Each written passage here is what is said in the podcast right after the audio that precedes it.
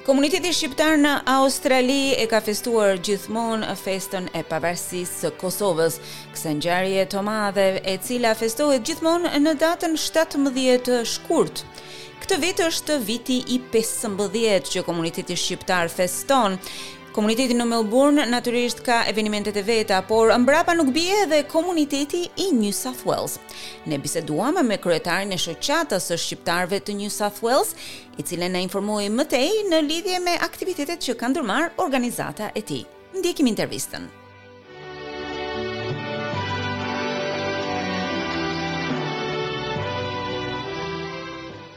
Atëherë të dashur dëgjues në linjën telefonike kemi zotin Elmaz Berisha i cili është kryetar i shoqatës shqiptarëve të New South Wales. Elmaz, përshëndetje, mirë se erdhët në radion SBS. Përshëndetje Melinda, ju përshëndes juve dhe stafin e juaj, jeni të mrekullueshëm dhe ne krenohemi me juve që po na informoni këto informata pa pa lodhur. Të faleminderit, shumë faleminderit Elmaz. Së pari, ë shoqata juaj ka kohë që funksionon apo jo? Sa sa vite keni që punoni?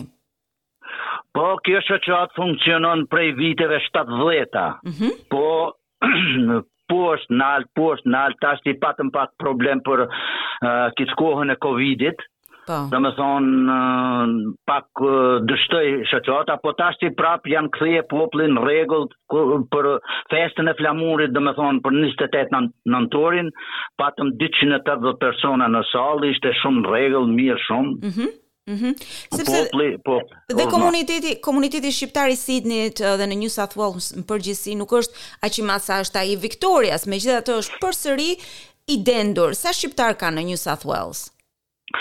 Po me, Melinda këtu janë shqiptarët tepër të shpërndar. Mm -hmm. Unë be, un besoj simbas informatave mija që i kam na jemi afër 3.000 shqiptarë këtu në, ah. në New South Wales. Domethënë, e përfshin pak Wollongongun, Sydney edhe Newcastle.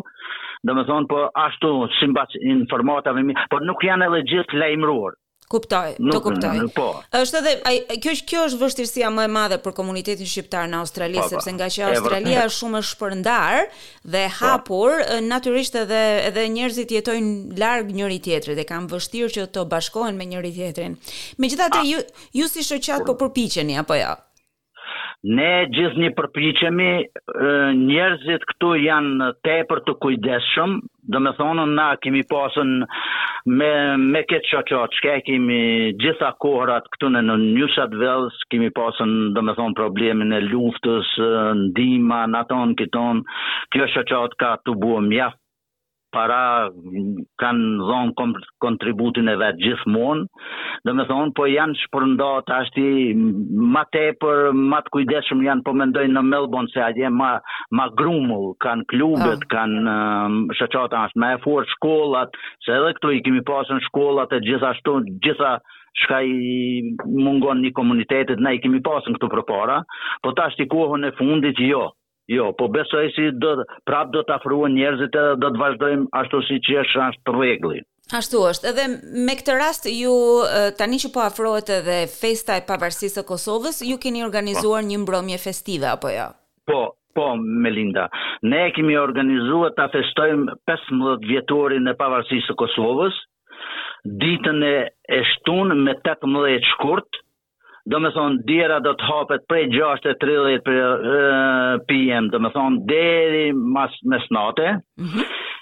uh, sala është reception hall, uh, ushqimi është unlimited, buffet, Domethonë mhm. mund njerëzit m'u shërbye sa ta kenë qefin, ka lloj lloj ushqimesh, shumë në rregull është. Edhe muzika, domethonë kësi heri do të jemi shumë pasën edhe me muzikën. Kush është? Po, si, mm -hmm. janë Bitania, uh, grupi muzikor nga Kosova, tre persona janë prej atje, është Burim Demiri me grupin e tina, kurse edhe këtu në Sydney kemi artistin tonë uh, uh, Orget Sadikun nga Shkodra me saksofon është mjaft, mjaft i, i, i mirë. Besoj se do të kalojmë një natë shumë të bukur. Absolutisht që po, është një mbrëmje që mendoj nuk do të harrohet asnjëherë. Absolutisht, besojmë edhe na këta, ta, ta shikojmë, vetëm se kisha me ju lutë gjithë bashkëkombësit tonë që të lajmërohen me kohë. Nëse e ndigjojnë këtë radio program, që të lajmërohen sa ma para, ma mirë asht edhe për neve, edhe për ato. T'jau rezervojmë venet që mos t'kemi probleme ditën e fundit. Absolutisht. Atëherë unë të falënderoj jashtëzakonisht për kohën dhe për minutat që na dhe Elmaz, ju uroj suksese juve dhe të gjithë shoqatës për punën e palodhur që bëni në drejtim të zhvillimit të komunitetit shqiptar në New South Wales. Shumë faleminderit Majlinda, ju ju përshëndes juve prap dhe gjithashtu e përshëndes nëse e ndigjon këtë radio program edhe Sani Kajtazi, ju përshëndes edhe shpresoj që të jeni mirë.